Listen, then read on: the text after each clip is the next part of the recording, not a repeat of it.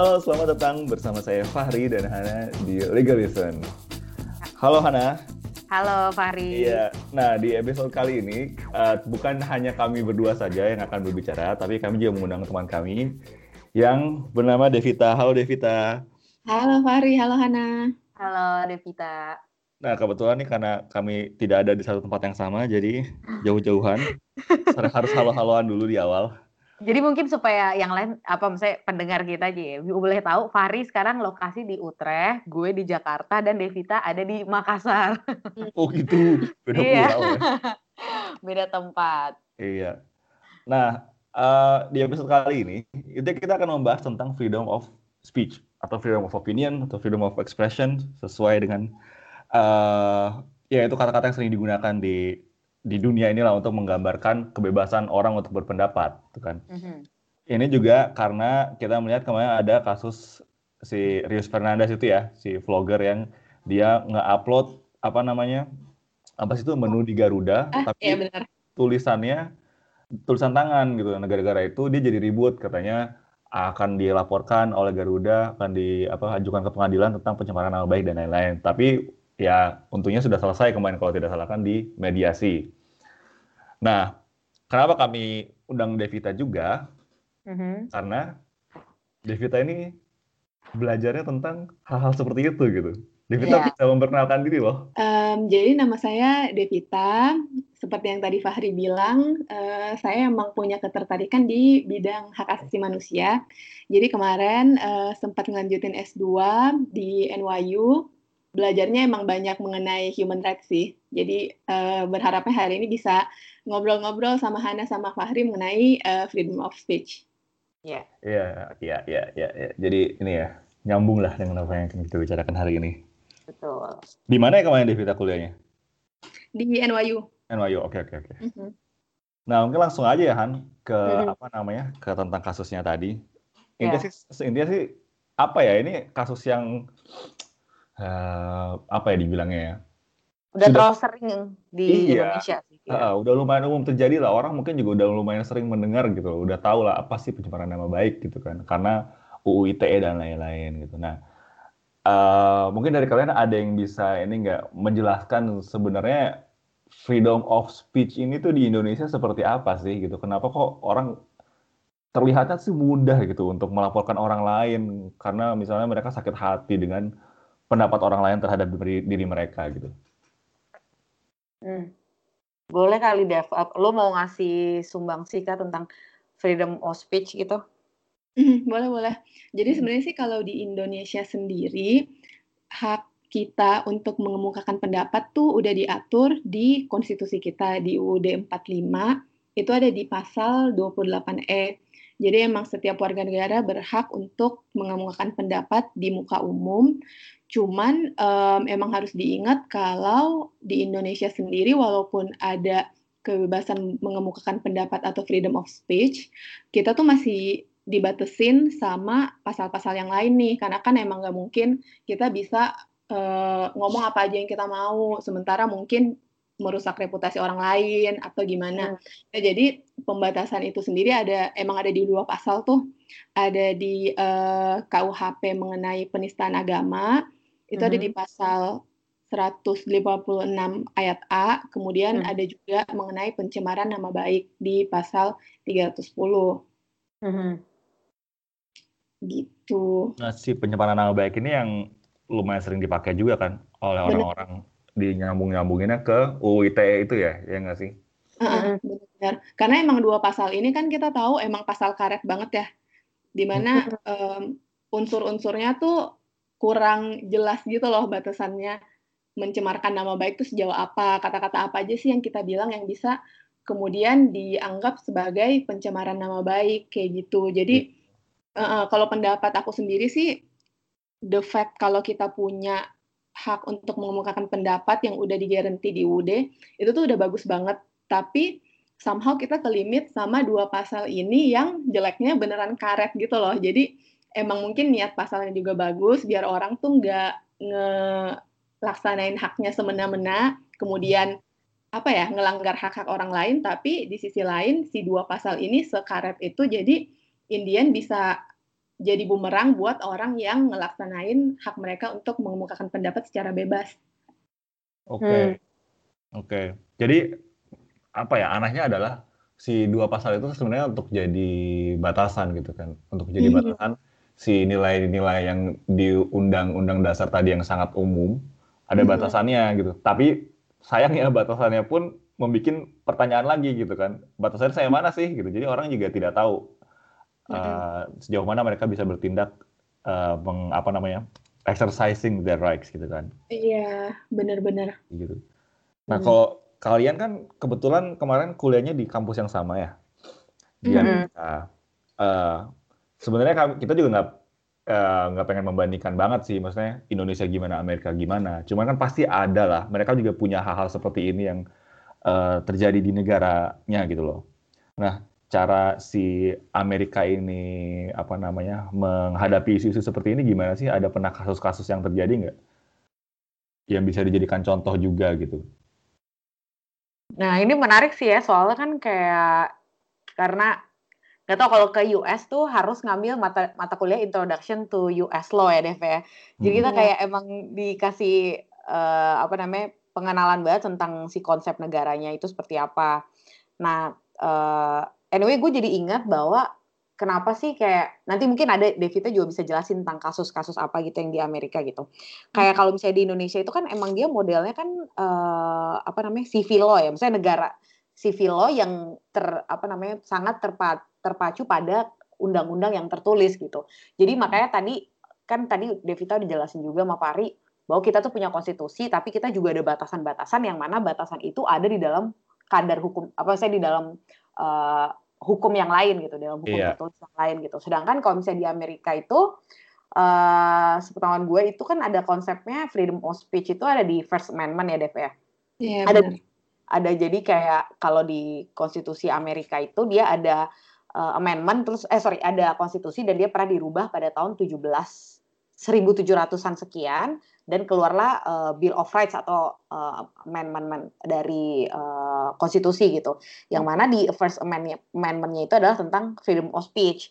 Nah, sepengetahuan gue freedom of speech itu ya memang cuma ada di konstitusi gitu. Terus mengenai pengaplikasi uh, aplikasinya di masyarakat, ya udah masyarakat mengaplikasikan freedom of speech tanpa ada maksudnya tidak ada batasan yang secara jelas di undang-undang lain gak boleh ada pencemaran nama baik lah, ada apa, kayak gitu sih.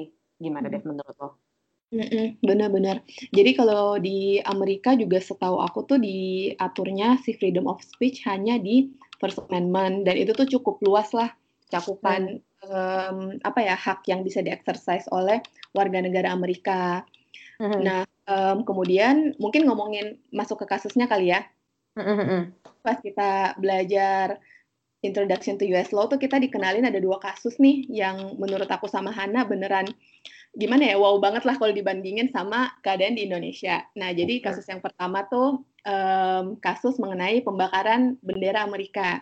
Jadi ada satu warga negara nih yang membakar bendera Amerika nih di depan umum. Kemudian si warga negara ini dituntut lah sama pemerintahnya sendiri, tapi pemerintah lokal ya, bukan pemerintah pusat. Ya. Nah, ke pengadilan. Kemudian akhirnya tuh pengadilannya mutusin kalau orang ini tuh nggak bersalah karena dia tuh sebenarnya cuman ngelakuin freedom of expression dia. Jadi mungkin dia lagi nggak senang sama negaranya, dia mau bakar negara, eh, sorry bakar bendera itu bisa-bisa aja. Nah sementara kan kita pas dengar, aku sama Hana sih bener kayak hah aneh banget ini kalau di Indonesia mana bisa nih ada orang ngebakar bendera terus dituntut malah dia dianggap nggak bersalah gitu loh kayak udah hmm. terserah mau bakar bendera. Nah itu satu tuh yang bikin kita sadar oh ini ternyata freedom of expression sama freedom of speech beda banget ya aplikasinya di Amerika sama Indonesia. Hmm. Kemudian kasus kedua lagi nih ada um, veteran atau mantan militer gitu ya yang meninggal kemudian orang ini tuh kebetulan gay tapi orangnya udah meninggal.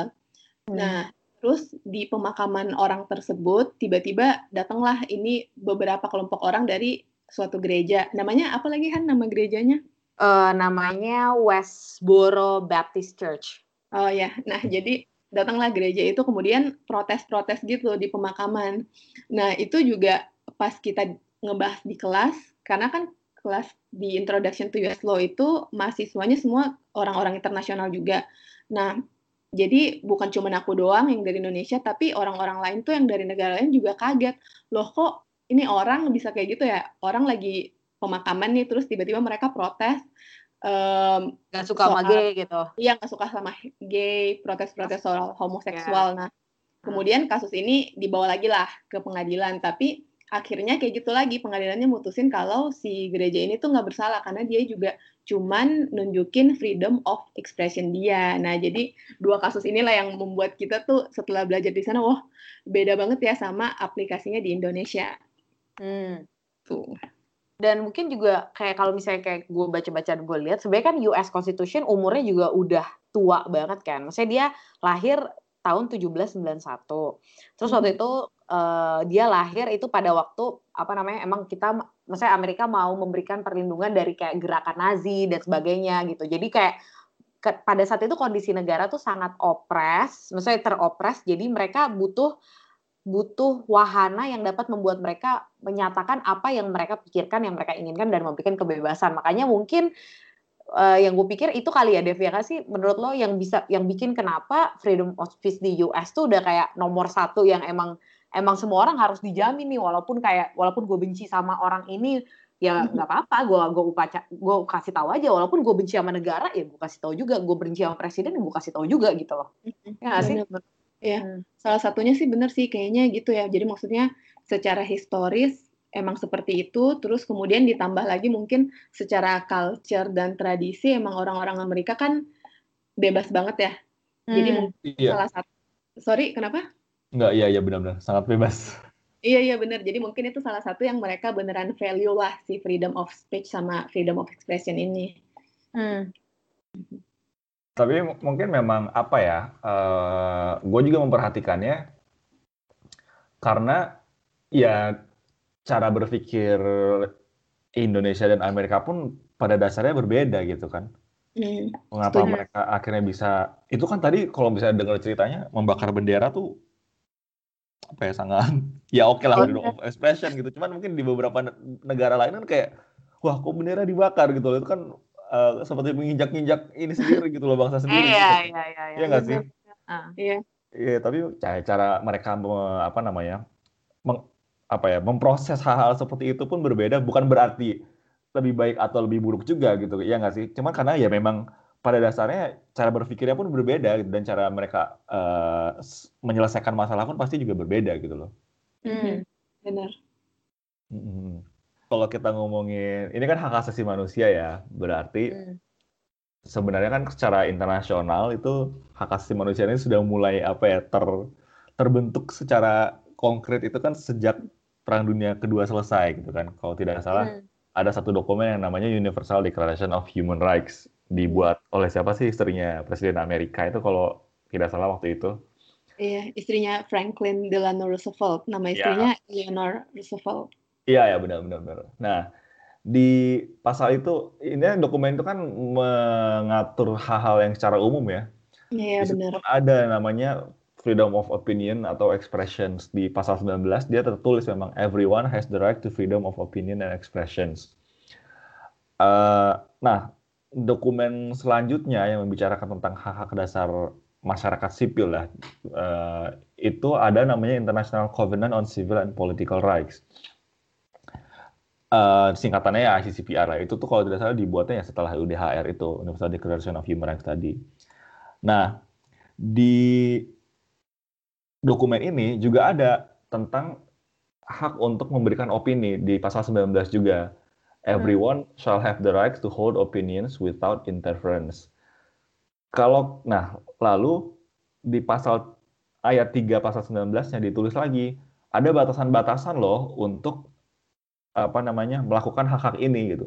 Yang pertama adalah batasannya ada itu uh, berhubungan dengan respect of the rights of reputation or reputation of others ya jadi harus menghargai hak-haknya orang lain juga dan hmm. yang kedua adalah batasannya adalah untuk perlindungan keamanan nasional atau public order public order itu bahasa Indonesia apa ya uh, ketertiban umum ketertiban iya, umum hmm. hmm. or of public health or morals gitu. Hmm. Nah yang gue lihat di sini kan sebenarnya secara internasional pun ada batasan loh untuk melakukan uh, exercising the the right of freedom of opinions ini, ya nggak sih? Benar-benar. Sama seperti di Indonesia tadi yang Devita bilang di awal, ya ada juga loh batasannya pasal 156 dan pasal berapa tadi? 310 ya? Tentang mana? 310, benar. Ya. Ya. Dan Ada, uh, gimana?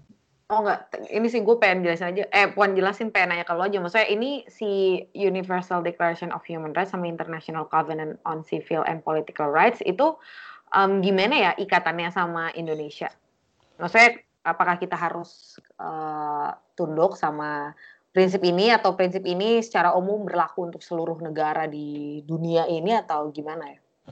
Sebenarnya sih kalau misalnya kita ngomongin apa namanya in- nilai-nilai internasional gitu, kalau misal mudahnya adalah kayak misalnya di ICCPR, kalau misalnya Indonesia itu salah satu apa namanya negara yang menandatangani dan meratifikasi ya meratifikasi dan menandatangani si International Convention ini, dia dia harus menerapkan uh, nilai-nilai itu di hukumnya dia juga gitu loh.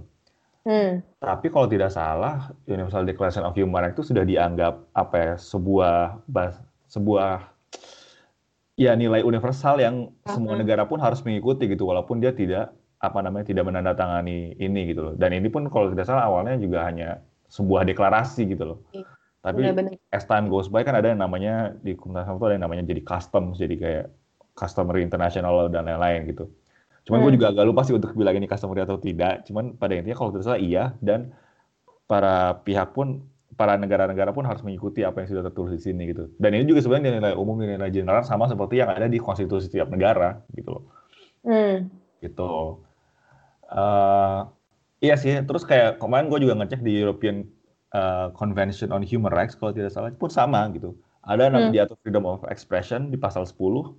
Sama juga ada batasan-batasannya dan bahkan lebih banyak daripada yang ada di Indonesia dan ada di ICCPR gitu. Eh, contohnya misalnya ada batasannya adalah for the prevention of disorder or crime gitu. Untuk protection of health or morals bahkan for maintaining the authority and impartiality of the judiciary gitu. Jadi eh, batasannya lebih beragam lagi, tidak hanya melukai hak orang lain atau melanggar public order kayak gitu sih. Jadi menurut kalian gimana tuh kan batasan-batasan hal-hal yang biasa aja sih sebenarnya ada di luar sana juga gitu sama seperti di Indonesia. Hmm. Cuman mungkin bedanya kalau di Indonesia tuh sama yang di luar lah.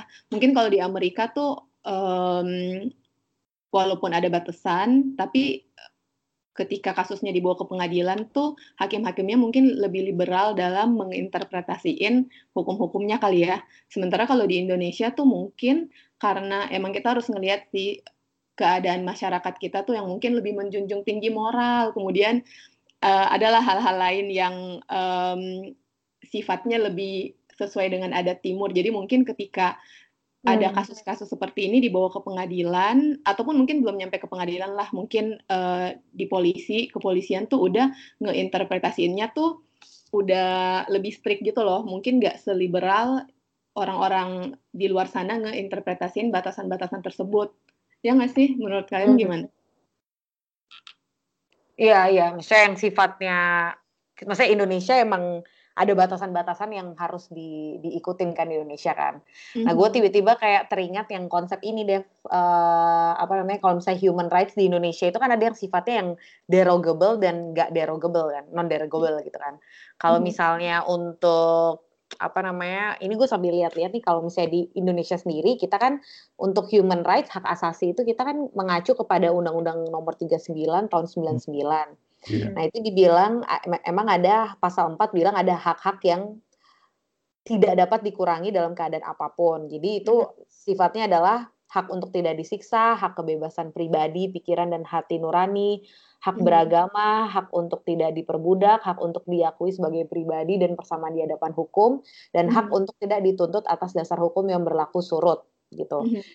Jadi kayak apa namanya ini mungkin ini juga kali ya menguatkan prinsip negara kita sebagai negara hukum dan maksudnya pengejawantahan juga dari undang-undang dari KUHP yang udah dibuat sebelu- sebelumnya gitu. Bahwa memang ya kita punya hak tapi memang ada batasan-batasan yang harus di di apa namanya harus diikutin gitu. Kecuali dia adalah si non derogable right ini yang tadi hak hmm. untuk tidak diperbudak ya itu nggak boleh dibatasin. Tapi kalau untuk konsep uh, speech mungkin memang negara kita uh, memberikan batasan-batasan yang harus diikutin gitu hmm, benar-benar dan mungkin yang unik nih kalau menurut aku ya bukan hmm. unik juga sih cuma saya karakteristik yang beda dari freedom of speech sama hak-hak non derogable ini adalah hak-hak non derogable itu kan misalnya hak untuk hidup. Nah, ketika orang nge-exercise hak dia untuk hidup itu kan nggak mungkin ya e, melanggar hak-hak orang lain. Ya nggak sih? Maksudnya iya. kecuali misalnya orangnya orang pembunuh gitu. Nah, tapi kan dia bisa diadilin dengan pasal yang lain gitu loh.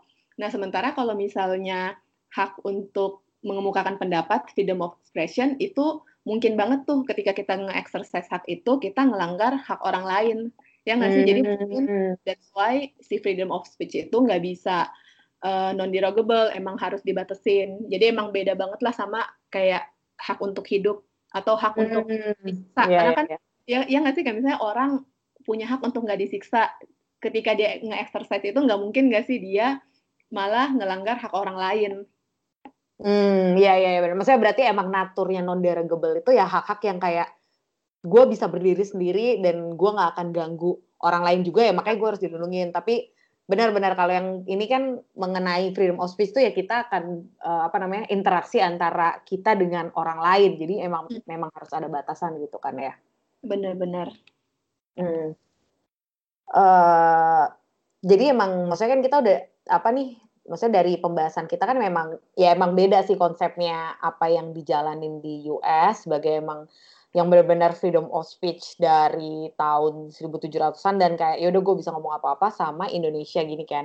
Gak gue coba kayak wondering kayak kalau di kita tuh mungkin susahnya banyak dipakai untuk hal-hal yang kadang tuh kalau misalnya kita ngomong sesuatu terus kayak fitnah gitu kalau salah kan. Nah, itu kan hmm. maksudnya emang oke okay, itu wajar kan untuk kita apa namanya untuk kita kenain pidana lah misalnya gitu. Tapi hmm. sebenarnya susahnya kayak gini ya kalau apalagi dengan online gitu kan dengan apa elektronik uh, means gitu kan jadi kayak kita sebenarnya ngomongnya cuma untuk ngomong apa yang kita pikirin jadi semua orang bisa kena kayak yang mungkin kasus Rius oke okay lah ini kan hmm. apa namanya dia uh, agak heboh gitu tapi gue jadi teringat yang kasus Prita juga kan itu yang pada tahun dulu banget yang pertama kali pertama kali freedom of speech gini ngetren kan yang dia cuma nulis email doang protes tentang rumah sakit yang mana emang bener itu yang dialami tapi akhirnya dia dikasusin ya misalnya dijadiin perkara gitu ya dianggap yeah. melukai orang lain gitu kan dianggap yeah. melukai yang dikritik gitu ya mm-hmm. iya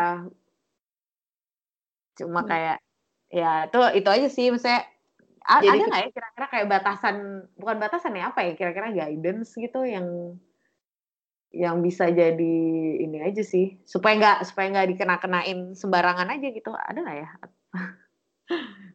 Kayaknya nggak ada ya. Sayangnya hmm. tuh itu karena emang ya that's why mungkin orang-orang suka ngomong itu pasal karet kali ya karena emang nggak ada nggak ada guidance-nya harus sejauh apa sih. Jadi ya emang ketika kita nge-exercise itu mau nggak mau emang harus lebih hati-hati kali ya ya nggak sih? Hmm. jangan sampai news. Itu kan sebenarnya masalah sepele nggak sih? Kita juga mungkin aja misalnya kita yang naik pesawat terus kita kayak gitu hmm. terus mbak kita dilaporin ke polisi. Ya ya ya. Tapi emang apa ya? Yang ya kalau kita perhatikan sampai saat ini sih memang kadang pertanyaannya tuh adalah apakah rakyatnya pun kurang dewasa gitu untuk menghadapi hal seperti ini gitu untuk menggunakan pasal-pasal yang ada. Kayak hmm. misalnya ya nggak sih kayak ya mungkin hal itu hal kecil gitu. Cuman kalau misalnya ya oke okay lah meluk kayak tadi Hana bilang kalau di sosial media ya bisa melukai siapa aja gitu. Kalau ada yang terkena ini kan apa bisa aja dia tiba-tiba uh, marah juga gitu. Atau misalnya iya. bisa juga melaporkan gitu. Karena kan ya semua orang di Indonesia bisa lapor-lapor ke polisi aja gitu kan. Uh-huh. hmm. uh, kadang itu juga sih yang mungkin pertanyaan orang-orang tuh apakah perlu ada batasan gitu? Seperti apa gitu thresholdnya? Tapi mungkin pertanyaan lebih lanjut itu juga bakal ada gitu maksudnya kalaupun ada batasan apakah itu akan membatasi hak-haknya hak-hak dasarnya juga enggak sih gitu loh mm-hmm. batasannya tuh membatasi hak dasarnya juga enggak sih gitu atau misalnya tidak perlu dibatasi saja, cuma jadinya ya kayak sekarang gitu, uh, sangat apa namanya, sangat secara sangat umum, sangat general peraturannya, terus semua orang bisa menggunakan uh, apa namanya, menggunakan pasal itu dengan suka-suka gitu. Hmm. Tapi yang menarik dari kasus serius ini adalah kalau misalnya kita balik bicara tentang mungkin masyarakatnya harus dewasa atau gimana gitu untuk menghadapi hal seperti ini. Uh, hmm. Ujungnya memang menurut gua tuh kalau masuk di institusi, let's say institusi pengadilan gitu loh. Gimana masyarakat nanti mungkin bakal melihat berbeda kalau suatu saat tuh ada suatu putusan di pengadilan yang bilang jadi apa ya namanya jadi landmark cases gitu. Jadi dia cara pikirnya mereka pun berbeda untuk menghadapi ini gitu jadi hmm. nggak nggak nggak cuman setiap kali ada namanya pelanggaran terhadap freedom of speech terus dibilang itu ya sudah anda melukai hati orang lain anda apa namanya dihukum gitu loh. Atau ini pencemaran nama baik gitu.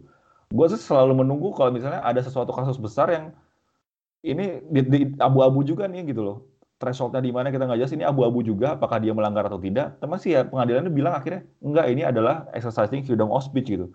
Mungkin di momen itu kita juga bisa jadi belajar dan kita juga bisa mengambil contoh gitu di negara Indonesia. Kalau misalnya oh kalau ada kejadian seperti ini dan cara pikirnya seperti yang dilakukan si pengadilan ini gitu.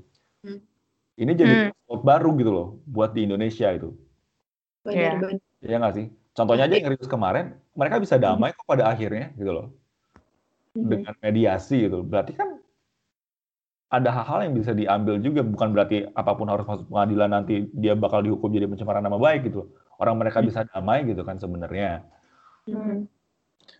Ya gue setuju sih sama yang lu bilang bahwa ini tuh sangat mempengaruhi tentang kedewasaan manusia, uh, maksudnya masyarakat karena gue merasa misalnya karena sebenarnya sistem hukum kita juga sih karena kan kita sistem hukumnya yang tertulis kan jadi masyarakat itu dan memang ini gimana ya sebagai corporate lawyer pengajaran juga gitu sih. Misalnya semua itu boleh selama tidak diatur gitu kan selama tidak hmm. selama tidak di, dilarang hmm. gitu. Jadi karena kita prinsipnya mindset kita emang udah keset gitu. Jadi kalau misalnya kayak tadi ngomong misalnya ada bata maksudnya ada larangan uh, di pasal 156 dan 310 gitu kan. Ya udah masyarakat ke situ nggak pakai batasan gitu kan. Jadi mungkin gue bener sih setuju sama lo kasus ini tuh bisa jadi apa ya pengingat juga bagi kayak mungkin nggak tahu big corporation kali untuk kayak ya ya anyway sebenarnya ya kalau lu pakai ini jadi senjata sebenarnya seberapa dewasa sih lo gitu istilahnya lah gitu ya, kan ya, karena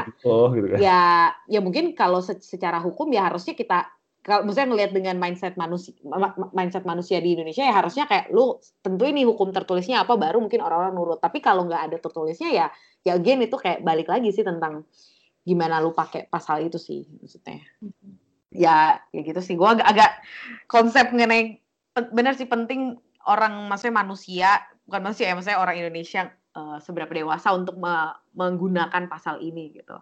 Hmm, benar benar benar gitu sih Uh, kalau Devita sendiri ada ini nggak ada apa ya uh, pandangan lain nggak sih tentang kasusnya Rius? Bukan pandangan lain juga sih, pandangan lu terhadap kasus Rius ini yang kemarin gimana sih gitu? Iya.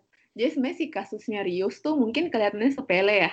Kayak hmm. cuman orang sesimpel ngepost Instagram story, kemudian Garuda nggak senang. Nah, terus banyak orang kan yang komenin, wah Garuda anti kritik nih, dan lain sebagainya. Nah, cuman pas um, aku dengar kasus itu malah yang pertama kepikiran tuh wah ini pelanggaran freedom of speech nih.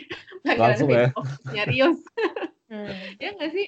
Dan yang menurut aku apa ya pembelajaran pada saat itu adalah somehow orang-orang Indonesia tuh belum sebegitu awarenya akan free, hak freedom of speech ini. Jadi kita tuh belum ngerasa itu hak yang kita punya gitu loh. Karena contoh ketika kejadian uh, kasusnya Rius ini keja- uh, terjadi, orang-orang malah mikirnya, wah Garuda kok kayak gitu sih. Jadi malah fokusnya ke Garuda gitu loh. Instead of mikirin, wah haknya Rius nih hmm. mengumumkan pendapat di ini ini apa namanya hmm. dibatasin gitu. Iya iya iya iya. Iya. Ya, si kasus ini tuh juga sebagai pengingat lah buat orang-orang Indonesia kalau sebenarnya kita punya hak ini loh yang bisa kita exercise kapan aja, cuman dengan batasan-batasan itu.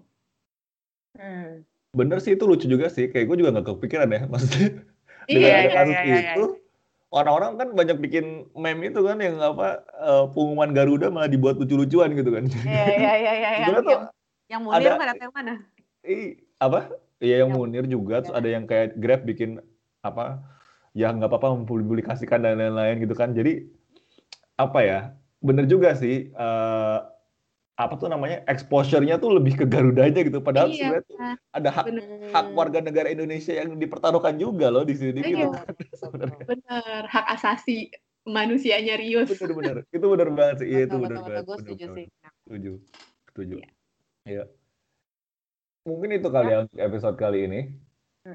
Ya, ah. take away-nya sih mungkin ya semoga teman-teman yang denger tuh kayak mungkin ya itu benar kata Devita yang terakhir bahwa ya kita sadar kayak kalau kita ngungkapin bahwa kita sebenarnya setiap orang dari kita punya hak untuk mengungkapkan pendapat kita gitu ya. Cuma mungkin memang kita harus pandai-pandai juga lah untuk eh, apa namanya mengengu- mengemukakan pendapat supaya kita nggak melanggar hak orang lain juga gitu. betul sepakat ya gue sih merasa kayak tadi kalau ingat Hana bilang apa Amerika sudah sejak first amendment-nya dari tahun kapan dan kita juga eh, apa namanya mungkin kita juga masih belajar juga sih untuk menghadapi hal-hal seperti ini gitu. Dan ya menurut gue sih dari perspektif hukum menarik untuk dilihat sih kalau misalnya ada kasus-kasus yang masuk di pengadilan lain pengadilan juga terus bagaimana si hakim institusi pengadilan ini juga memberikan apa ya eh, opini hukum yang membangun juga gitu loh untuk eh, untuk masyarakat juga gitu. Jadi kita juga tahu gimana sih cara mengaplikasikan hal-hal seperti ini gitu. Hmm, ya. Gitu sih. Oke, Eh, terima kasih telah mendengarkan. Eh, apalagi ya Han? Ada Enggak sih, udah thank you loh Devita sudah mau hadir dan memberikan pendapat dan uh, pengetahuannya tentang human rights. Iya, sama-sama. Makasih ya udah diundang. Ya, sukses Iya. terus Dev. Thank you. ya, ya, terima kasih semuanya. Terima kasih sudah mendengarkan untuk episode kali ini. Sampai jumpa di episode selanjutnya. Bye.